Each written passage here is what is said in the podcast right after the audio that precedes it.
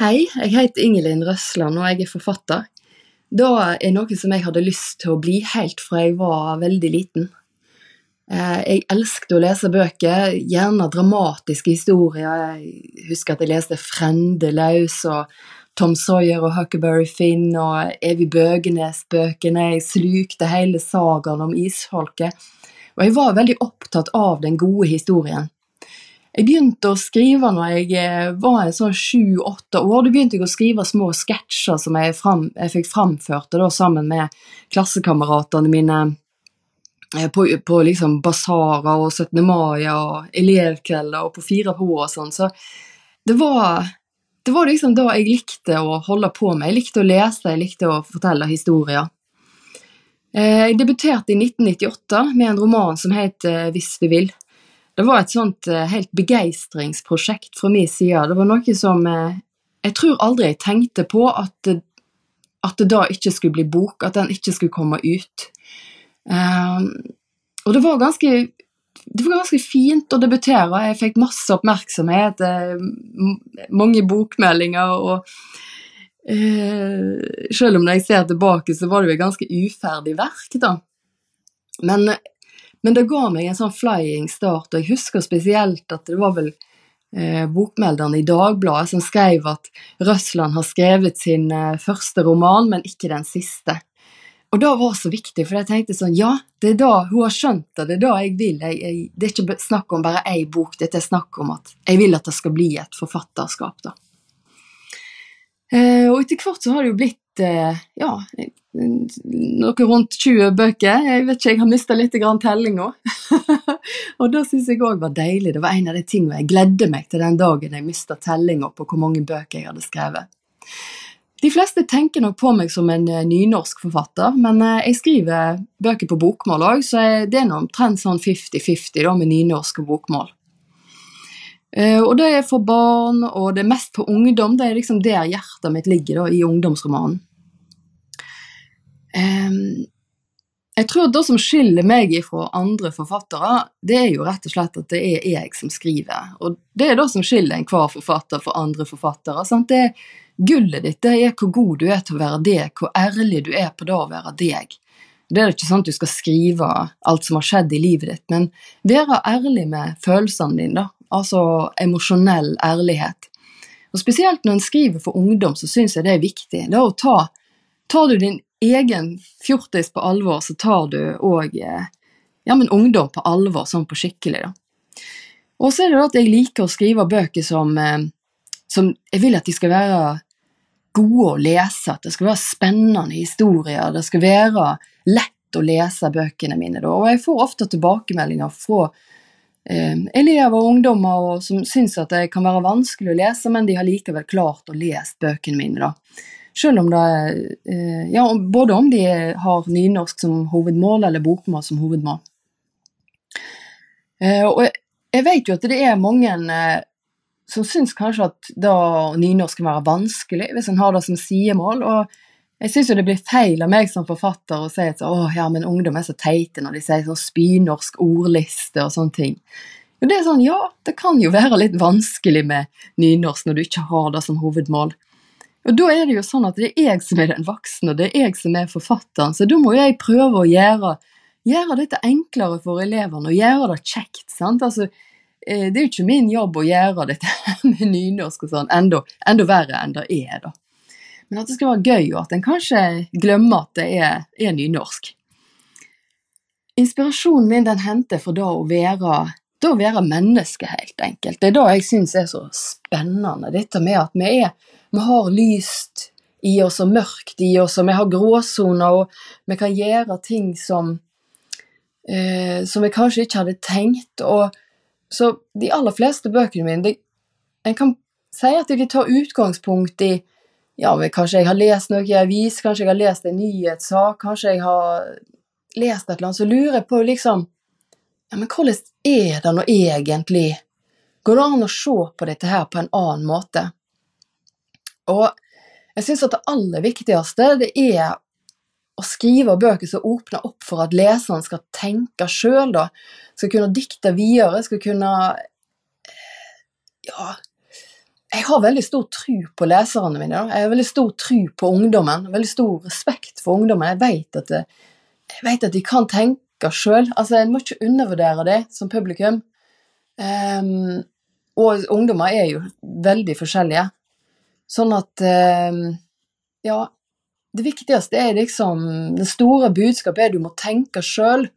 Uh, det er ikke sikkert at det er så enkelt som om at det alle sier er godt, er godt. Det alle sier er rett, er rett. Eh, det, det fins alltid nyanser. Så det syns jeg er spennende. Og hovedtemaet liksom som er rød tråd gjennom forfatterskapet mitt, så går egentlig setningen 'Hvor langt er du villig til å gå for å oppnå kjærlighet og aksept ifra andre', da. Det, det er liksom noe som jeg aldri blir ferdig med, for, å, for å si det enkelt, da. Hvor viktig er mitt forfatterskap? Veldig vanskelig å bedømme sånn sjøl, da. Hvor viktig det er, hvor effektivt det er. Det første er nå liksom at en må prøve å nå ut til leserne, da. Så etter hvert så er det blitt sånn at bøkene mine de blir mye brukt i skolene. Jeg får masse tilbakemeldinger, så jeg vet jo liksom at de blir brukt. Eh, bøker som jeg har skrevet for over 20 år siden, blir fremdeles brukt, blir fremdeles lest. Eh, og for å være effektiv, så må du bli lest. For å nå fram, så må du bli lest. Og noe av det mest effektive en kan gjøre, tror jeg det er å fortelle gjennom historier. Det er jo så utrolig basic, sant. Det var jo da Jesus gjorde, når han fortalte alle historiene sine til læresveinene. sant? Altså han fortalte likninger. Og det er jo sånn uansett om en er kristen eller tror på Bibelen eller Jesus eller hva som helst, så, så er det i alle fall dette likningene i historien, da at eh, en forteller gjennom historie, gjennom historie, da en forklarer verden gjennom historie. Historie er på mange måter at en holder opp et speil, og så viser en, viser en, en historie, og så eh, kjenner folk seg igjen, da. Og eh, jeg tror at eh, og dette er det vel på mange måter liksom, forska på, jeg er sikkert ikke den første som sier dette, det er at jeg tror at vi kan spare mye penger på sånn eh, Etter Altså jeg tror at, at, av og til så kan ei bok være like godt som terapi. At for noen så kan bøker være like bra som terapi. Um, for meg så er det på mange måter Når jeg har de tunge stundene, så er det bøkene jeg går til. Det er det, er det som er min, er min terapi. Både da å skrive bøker og da å lese bøker. Eh, terapi er nå kanskje å ta litt hardt i, da jeg har nå levd et velsigna lett liv. Men det er der jeg bearbeider ting, det er der jeg tenker gjennom ting. Jeg eh, har absolutt ingen planer om å slutte å være forfatter. Eh, jeg eh, Nå i, i 2023 så kan jeg feire 25 år som forfatter, og jeg tar nå i alle fall 25 år til. Det er sånn at det å skrive bøker, det er noe som jeg ikke kan klare meg uten, da. Det kan gå lange perioder i mitt forfatterskap der det er stille, da, der det kanskje ikke skjer så veldig mye. Det kan av og til gå lang tid mellom bøkene mine, men, men eh, hele tida så er jeg forfatter. Jeg er forfatter når det er lett, og jeg er forfatter når det er tungt. Jeg er forfatter når jeg skriver det går som en dans, og jeg er forfatter når det er som å gå i sirup. Da skal jeg lese bitte litt til deg. Jeg skal lese ifra den vanskelige andre boka mi, som heter Kunsten å inhalere. Det er en bok som jeg syns er veldig gøy fremdeles å snakke til ungdommer om. Um, og ungdommer syns jo det er litt gøy, for at denne boka den, uh, har jo handlingen sin lagt til 90-tallet, og veldig mange av foreldrene deres de var ungdommer på 90-tallet og er på min alder, så da sier jeg sånn Dette er sånn som det var for deres foreldre. Se her, de var nok ikke så forskjellige fra deg.